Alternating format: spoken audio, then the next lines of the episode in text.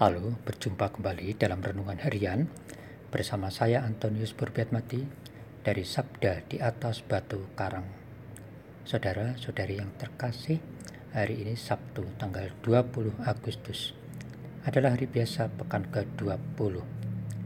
Hari ini gereja memperingati Santo Bernardus, seorang abbas dan pujangga gereja. Samuel, seorang imam dan hakim Israel Renungan kita hari ini terinspirasi dari bacaan kitab suci. Bacaan pertama diambil dari kitab Yehesiel pasal 43 ayat 1 sampai 7a dan bacaan Injil suci dari Injil Matius pasal 23 ayat 1 sampai dengan 12. Mari kita siapkan hati kita untuk mendengarkan sabda Tuhan yang akan dibacakan oleh saudari Monica Rusa dari Paroki Kristus Raja Katedral Keuskupan Tanjung Karang. Sekali peristiwa, berkatalah Yesus kepada orang banyak dan murid-muridnya, Ahli-ahli Taurat dan orang-orang Farisi telah menduduki kursi Musa. Sebab itu, turutilah dan lakukanlah segala sesuatu yang mereka ajarkan kepadamu. Tetapi, Janganlah kalian turuti perbuatan mereka, karena mereka mengajarkan tetapi tidak melakukannya. Mereka mengikat beban-beban berat, lalu meletakkannya di atas bahu orang, tetapi mereka sendiri tidak mau menyentuhnya. Semua pekerjaan yang mereka lakukan hanya dimaksud supaya dilihat orang mereka memakai tali sembayang yang lebar dan jubah yang panjang. Mereka duduk di tempat terhormat dalam perjamuan dan di tempat terdepan di rumah ibadat.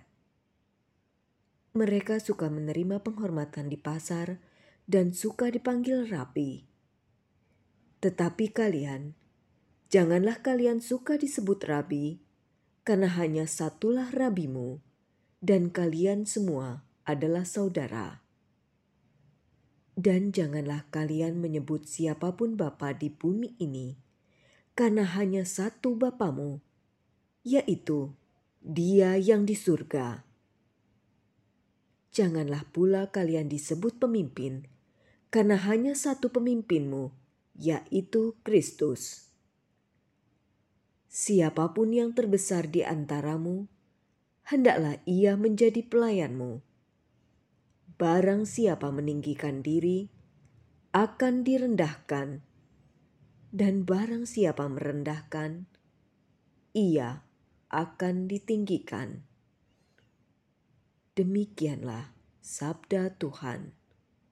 Terpujilah Kristus. Saudara-saudari yang terkasih, barangkali di antara kita ada yang mengikuti kasus perseteruan antara seorang pesulap dengan seorang paranormal atau dukun.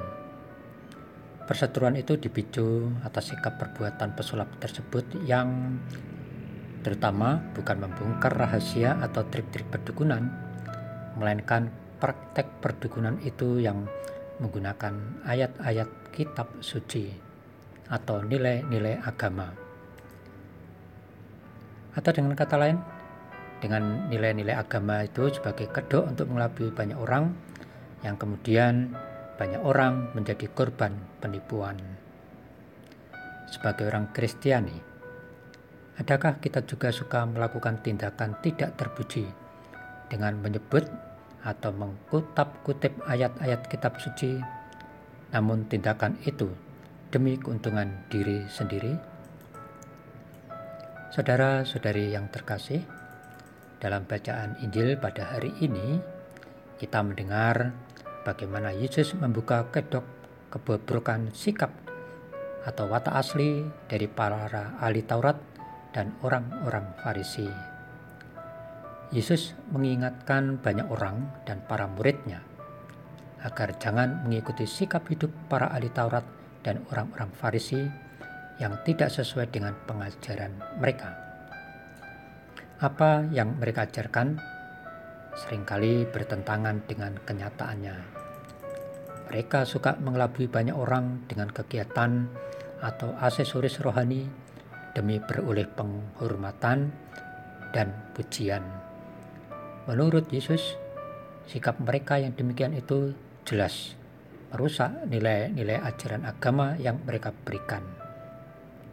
Nah, bagaimana dengan diri kita sendiri selama ini? Saudara-saudari yang terkasih, di antara kita tentu ada yang aktif dalam kegiatan menggereja, pelayanan-pelayanan gerejawi atau penginjilan. Adakah aktivitas tersebut kita lakukan sungguh demi kemuliaan Tuhan dan misi gereja? atau hanya supaya kita terkenal menjadi viral sebagai pendoa, pengkhotbah yang diundang ke sana kemari? Pengajaran Tuhan hari ini mengajak kita untuk memiliki sikap kerendahan hati. Segala sikap kesalahan diri kita dalam beragama atau beriman tidak perlu kita pamerkan atau diviralkan itu adalah bagian dari roh kesombongan diri. Semoga dengan bimbingan Roh Kudus, kita mampu untuk memiliki sikap hati dan perbuatan yang mencerminkan kerendahan hati kita. Ya Yesus, semoga dengan pelayananku, Engkau semakin dimuliakan. Amin.